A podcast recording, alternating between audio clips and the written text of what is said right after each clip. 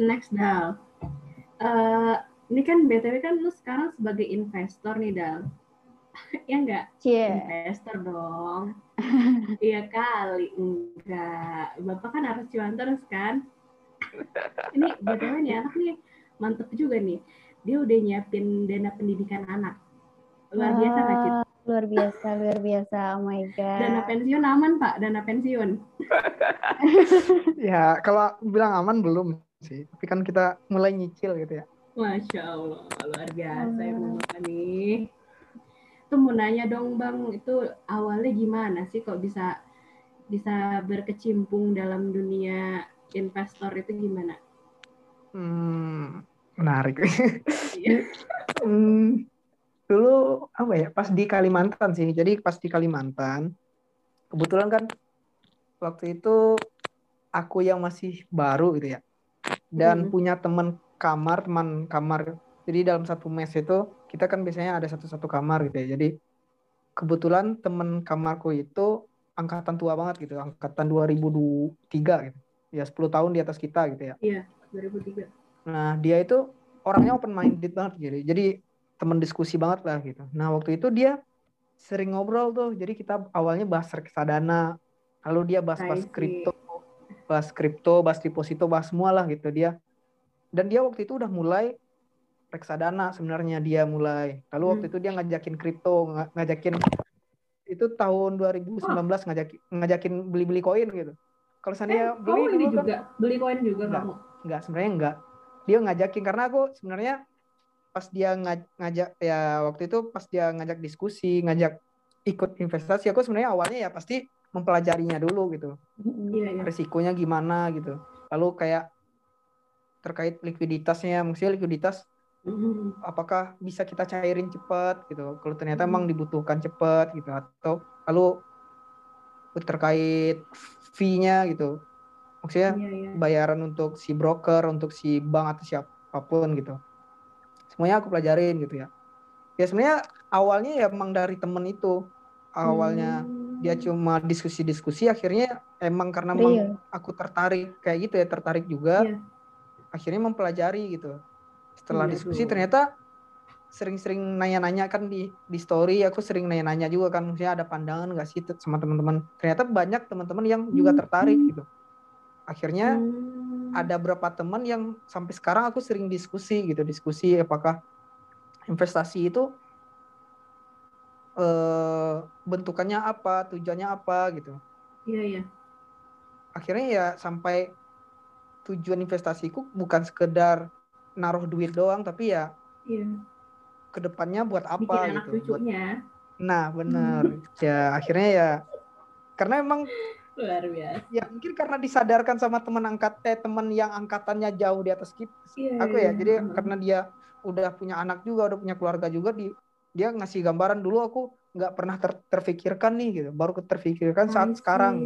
Nah akhirnya iya, dia mengingatkan iya, juga. pernah gak sih? Apa?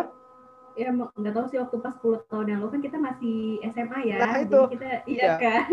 Nggak tahu juga tahun sih dulu kita kan masih ya SMA dunia, gitu. dunia jadi alhamdulillah aku diingetin sama dia gitu. Jadi ingetin iya, dikasih iya, tahu gitu.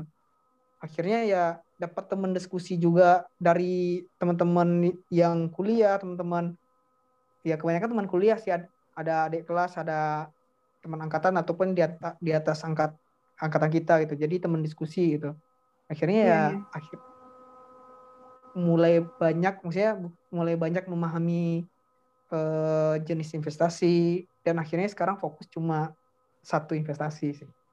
Sekarang iya, baru satu ya. Saham. Saham doang. Sekarang saham Masa, doang. Sekarang Tapi awalnya aku bukan saham. Awalnya aku cuma reks, awalnya cuma reksadana. Iyalah pastilah. Awalnya aku reksadana karena emang setelah aku pelajarin banyak gitu yang yang paling aman gitu maksudnya yang paling aman dan yang iya, iya. cukup iya baiklah untuk returnnya gitu untuk apa untuk keuntungannya gitu reksadana awalnya aku pahami kan tapi ternyata setelah berjalan waktu gitu Kurang reksadana dong reksadana ya reksadana dia cukup baik gitu cukup baik tapi ternyata fee fee-nya gitu likuiditasnya ya? ya fee-nya lumayan gede sih dibanding saham gitu ya lalu terkait kita pencairannya ya nggak bisa langsung cair hari itu gitu ternyata di, kalau ada investasi lain yang likuiditasnya lebih baik, fee-nya lebih murah gitu, Oh. yaitu saham gitu. Akhirnya makanya aku pindah pindahkan dana ke saham semua gitu dan mempelajari banyak hal di saham sebenarnya. All your egg in one basket, really? Are you sure? Hmm. Kamu berarti sekarang naro naro semua bas naro semua telur kamu di satu basket dong? Iya. Ya put Oh one basket God. sekarang. Tapi ya ya sebenarnya ada bukan investasi sih, cuma uang pe- uang apa ya? Uang jaga-jaga mungkin di cash, lalu di apa namanya di emas gitu. Sebenarnya ada, tapi sebatas sebatas ininya aja Iya, enggak. ya udah itu mah duit cincai Iya. aja ya. Iya, jadi ya kalau kebanyakan Allah. sebagian besar gitu, sebagian besar di di saham. Aduh aku nggak mau nggak mau tahu udah berapa lot nggak mau tahu. Itu Afdal pas lagi mindahin kan sebelumnya kan yang di reksadana itu kan. Nah, terus mindahin langsung ke saham itu li- berlibet gitu nggak sih? Ininya birokrasinya gitu. Susah nggak sih? Waktu itu sih ya dua eh tiga hari kalau nggak salah. Jadi aku jual semua reksadana, Mm-mm. jual semua reksadana aku, aku pindahin ke tabungan biasa gitu ya. Lalu aku masukin ke tabungan saham gitu. Jadi ke rekening kan ada rekening saham sama rekening biasa gitu ya. Jadi ya sekitar seminggu lah gitu. Tapi bikin sebelumnya aku udah bikin dulu, bikin rekening saham, rekening saham itu kan biasanya rata-rata seminggu dua minggu gitu bikin rekeningnya ya online semua sih. Jadi Hmm. sebelum aku jual reksadana, aku udah bikin rekening saham dulu. Jadi dipindahin semua. Awalnya ya nggak bukan aku pakai semua langsung beli langsung beli semua saham bukan.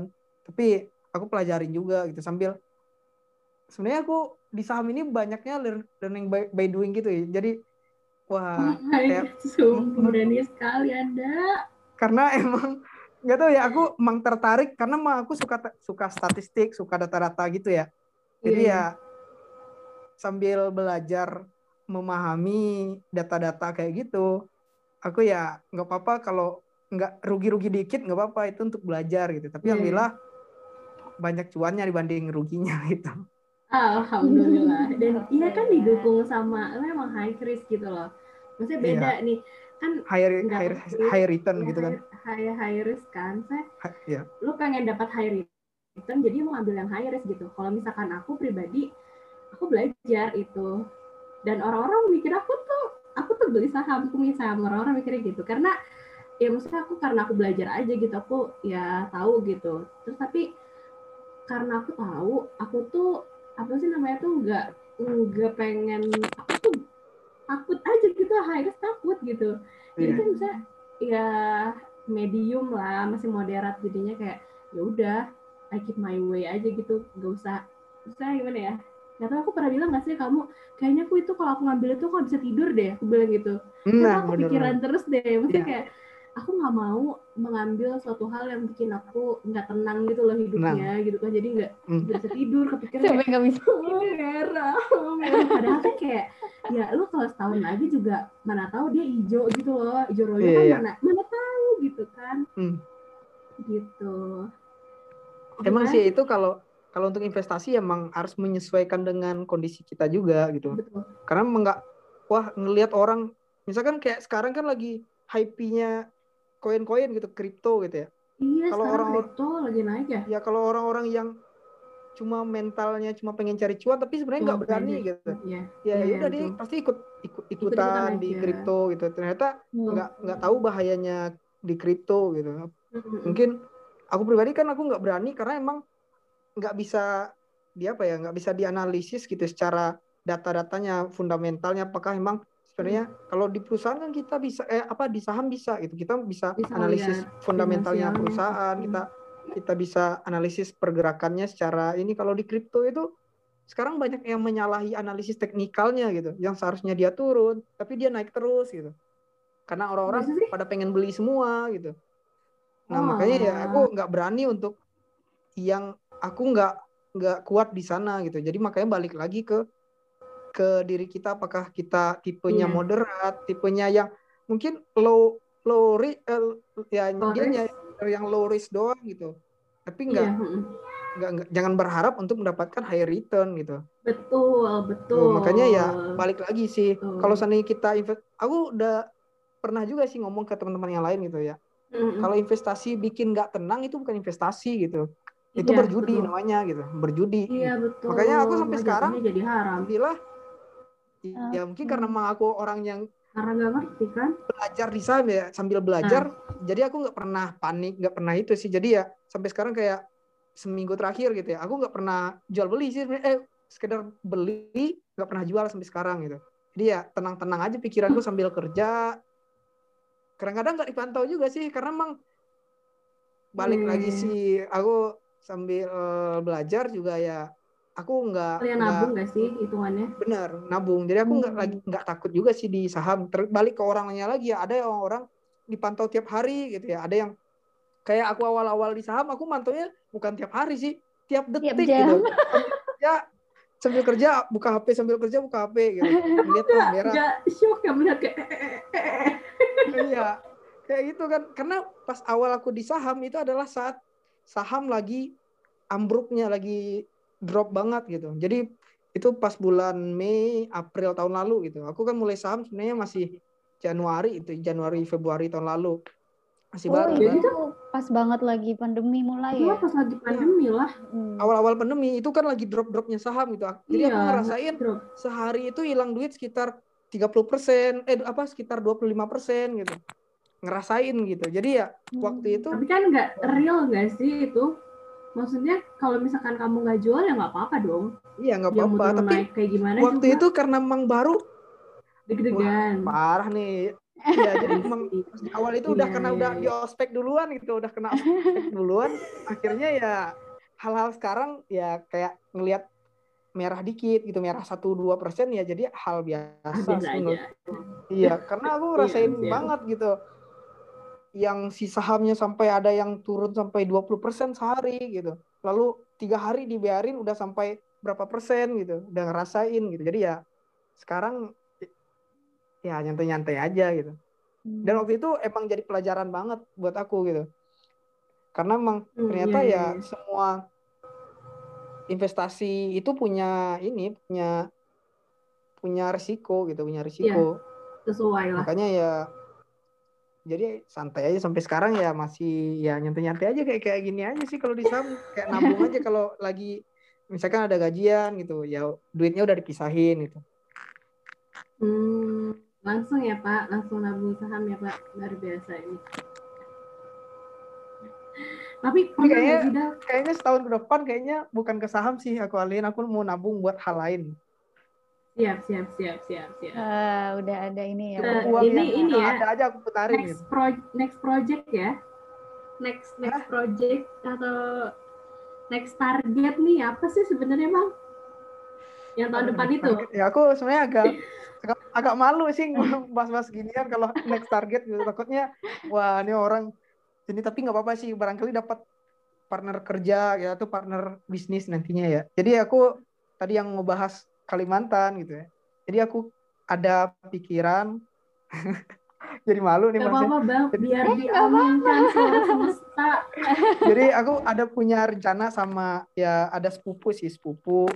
Aku mau bangun kayak toko bukan to- ya kayak toko sih kayak toko yang barang-barangnya kita ambil dari pasar pasar Tanah Abang itu. Kita jualannya di di sana karena emang saudaraku itu udah pernah nyok apa ya pernah jalanin di beberapa daerah gitu di Oh, ya iya, iya, iya. lalu kemarin terakhir di Lampung lalu ada di daerah Jawa kayak di daerah Purworejo Purwokerto gitu bukannya daerah sekitar sana udah pernah nyobain Iya. gitu jadi kayak bikin toko serba tiga ribu lah serba apa gitu serba serba kayak, kayak obrolan Ah, gitu iya, iya, Oh, iya, oke, iya. oke, oke. Yang Iya, modalnya banyak cukup banyak gede.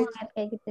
benar jadi cukup gede banget modalnya dan yang dicari adalah area-area yang berpotensi rame gitu misalkan ya misalnya ya ya kayak jualan-jualan lah gitu tapi ya kita bukan bukan ngikut pasar di sana tapi mau bikin pasar di sana gitu pikirannya kayak gitu Iya, Jadi, iya, iya, iya. nyari area-area yang belum rame mau dibikin pasar di sana itu nah pasarnya itu ya kami kami yang bikin gitu. Hmm. tapi aku gak malu nih pas mas ginian Luar biasa. Ini Oh, back to dong. Kalimantan malah ya. apa balik ke Kalimantan malah ini ya. ya tapi aku main bukan aku yang jualan gitu. Ya. Aku cuma jadi main-main modal, yeah. jadi pemodalnya doang gitu. Jadi pemodal oh, siap, siap, siap, siap. yang ngurusin itu ya anggota-anggota yang mungkin aku cari warga lokal sana atau orang-orang mungkin orang-orang kampungku. Aku pikirin sih orang kampungku yang adik-adik yang nggak lulus sekolah gitu, yang nggak yang nggak ada kerjaan di kampung aku tarikin gitu jadi ya dia ngurusin gitu. Hmm. Aku pikirin kayak gitu. Karena memang cita aku ya aku pengen punya karyawan bukan jadi karyawan.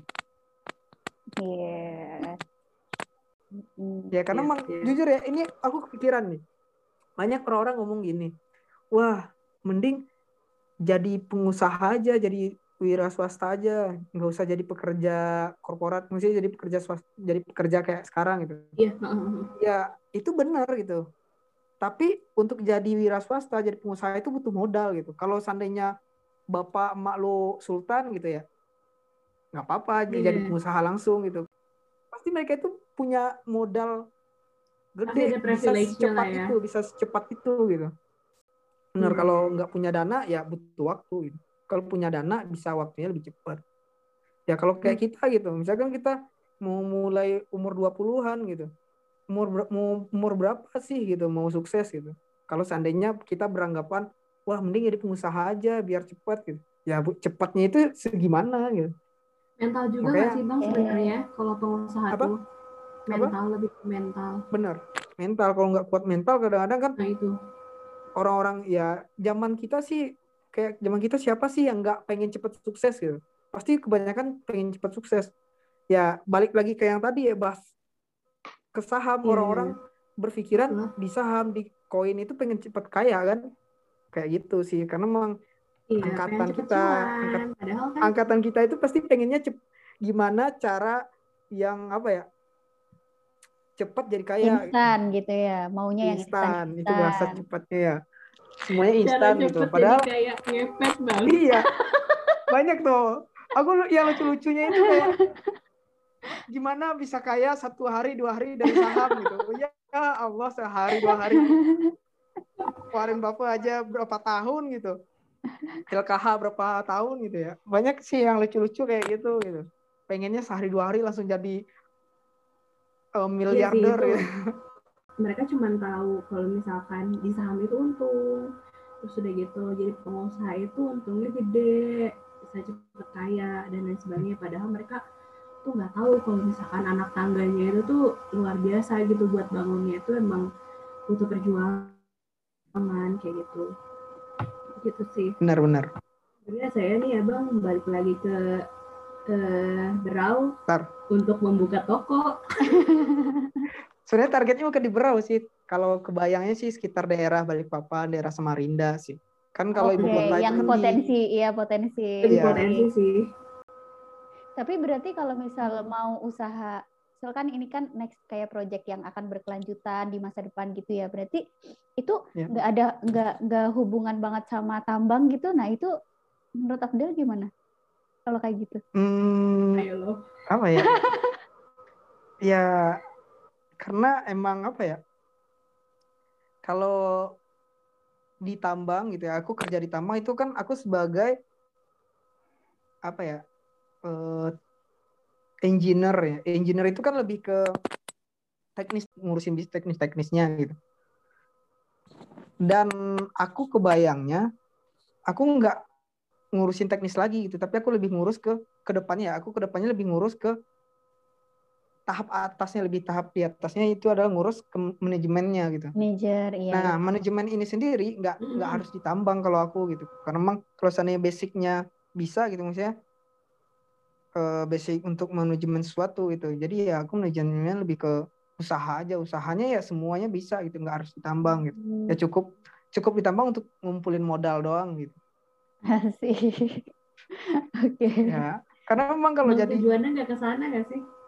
kalau tambang itu ya kata orang kan tambang itu udah senja gitu ya udah usaha yang mau redup gitu ya kata orang-orang ya hmm. ya nggak tahu sih walaupun sebenarnya dari puluhan tahun lalu orang ngomong kayak gitu juga kan batu bara tambang ini tambang itu bakal redup bakal nggak digunain gitu orang-orang bakal ke green apa sih uh, green energy gitu ya. Kalau ya, diganti, diganti ini gas alam gitu ya? Iya, tapi sampai sekarang kan masih dipakai gitu ya. Aku nggak tahu juga ke depannya emang kayak gitu, tapi ya kalau seandainya seandainya emang batu bara nggak digunain lagi, minyak nggak digunain lagi gitu ya, ya kenapa nggak aku di usaha yang sudah pasti dipakai orang itu siapa sih di di dunia ini nggak pakai baju gitu siapa sih yang orang yang nggak butuh pangan pakan apa sih gitu ya apa sih iya, iya. kayak, ya, kebutuhan gitu. dasar lah ya kebutuhan dasar ya makanya aku hmm. kepikirannya ya hal-hal dasar ya bisnis yang pasti digunain mesti yang pasti berjalan kapan pun gitu jadi itu ya alasan aku nggak mau ditambang gitu untuk hmm. untuk, untuk bisnis gitu untuk lama ya. benar ya. baiklah uh, terakhir deh terakhir dap. Uh, tadi kan lu udah ngasih dia motivasi nih. Motivasi.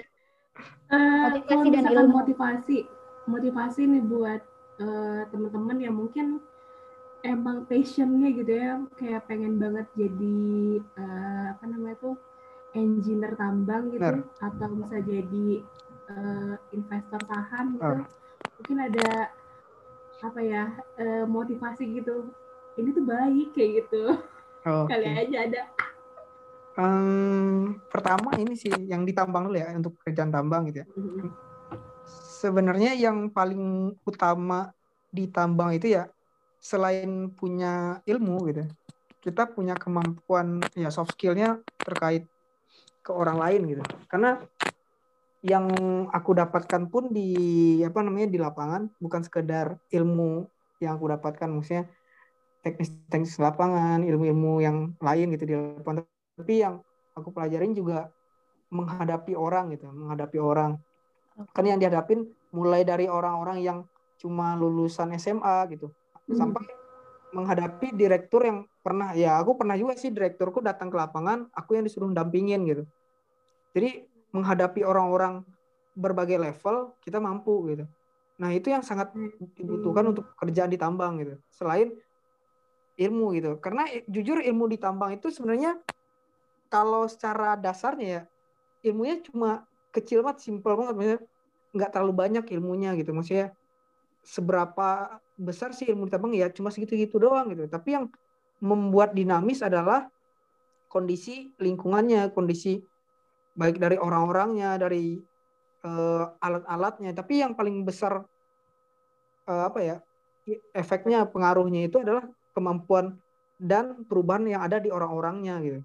Nah itu yang perlu dipelajarin bagi orang-orang karena memang aku ngerasain gitu banyak yang teman-temanku yang jago secara ilmu, jago secara kuliah gitu. Tapi hmm. secara uh, apa ya secara pekerjaan dia bagus yang ada di kuliah gitu. Karena memang kemampuan dia untuk berorganisasi, kemampuan untuk berkomunikasi sama orang nggak sebagus dia berkuliah gitu. Ya sebenarnya emang ya ada orang yang bilang dia nggak mampu ngomong gitu. Itu cuma karena batasan dia aja, dia menganggap dia nggak mampu gitu. Aku juga pas awal-awal canggung banget gitu. Orang-orang yang menggunakan apa ya? Kan di sana aku belum tahu tuh budaya mereka gimana, cara mereka berkomunikasi gimana gitu sangat canggung banget gitu awal-awal di sana gitu. Sampai akhirnya aku sering ngobrol sama orang-orang operator di sana ngajak mereka ngobrol ngajak berkomunikasi ngajak diskusi gitu. Akhirnya kita tahu gitu oh ternyata orang-orang di sini cara menghadapinya gini gitu. Orang-orang misalkan ya kita menghadapi orang-orang operator yang keras gitu sama menghadapi para uh, admin admin admin gitu ya. Admin kan lebih lembut gitu cewek-cewek gitu ya cara menghadapinya pasti beda gitu kan ya. Iya cara menghadapinya beda gitu. Jangan kita samain gitu. Kita ngomong keras ke ke operator ke bapak-bapak di sana gitu. Tapi kita keras juga ke ibu-ibu nggak mungkin kan. Ya itu yang yang perlu dipelajarin yang perlu diasah sih bagi teman-teman yang pengen kerja di tambang gitu. Dan jiwa analis analisisnya sih jiwa analisisnya maksudnya gini eh, kedinamisan yang ada di tambang itu perlu disel pasti ada masalah gitu pasti ada masalah dan perlu diselesaikan gitu nah kemampuan analisis teman-teman itu yang akan menentukan teman-teman bakal jadi apa gitu kalau seandainya teman-teman bisa diandalkan untuk menyelesaikan banyak masalah, teman-teman bakal cepat gitu. Jadi apa pun gitu. Teman-teman mau jadi direktur, jadi itu bakal cepat karena aku ngerasain gitu bosku itu dia cuma butuh 10 tahun untuk jadi manajer gitu. Karena sepengetahuanku dan se hasil diskusi ya 10 tahun itu cepat banget gitu. Cepat banget jadi direct jadi manajer gitu.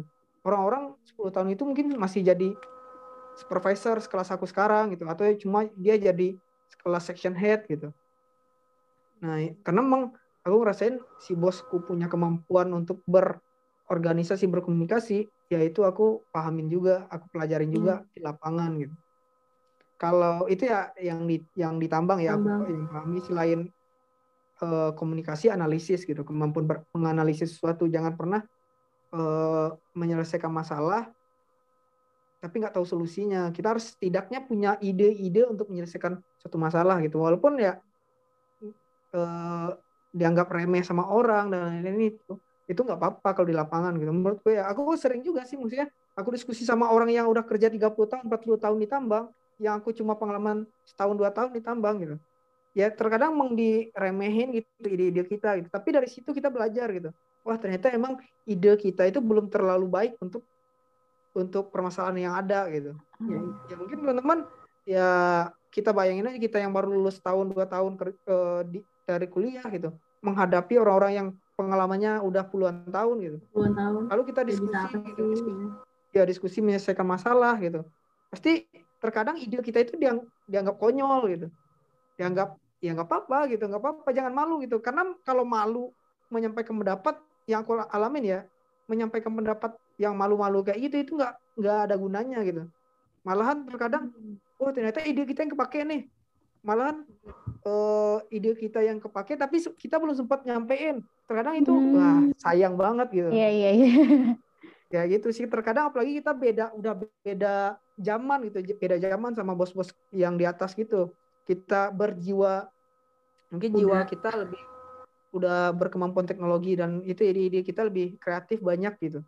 Jadi jujur ya ya mungkin pola pikir itu bakal kerasa tuh beda yang beda zaman karena memang mereka sering berpikiran uh, yang apa ya uh, menyelesaikan itu kayak menyelesaikan hal-hal yang dengan hal-hal yang standar banget gitu. Terkadang kalau yang angkatan kita, angkatan muda kayak gitu, idenya itu sangat brilian yang emang butuh effort yang lebih gitu. Kayak gitu. Lalu yang ke balik ke apa lagi ke saham ya, ke apa investasi gitu. Kalau investasi ya sebelum berinvestasi pahamin dulu risikonya gitu. Yeah, pahamin risikonya. Lalu teman-teman harus tahu juga teman-teman mampunya risikonya sih gimana gitu jangan maksain iya, iya.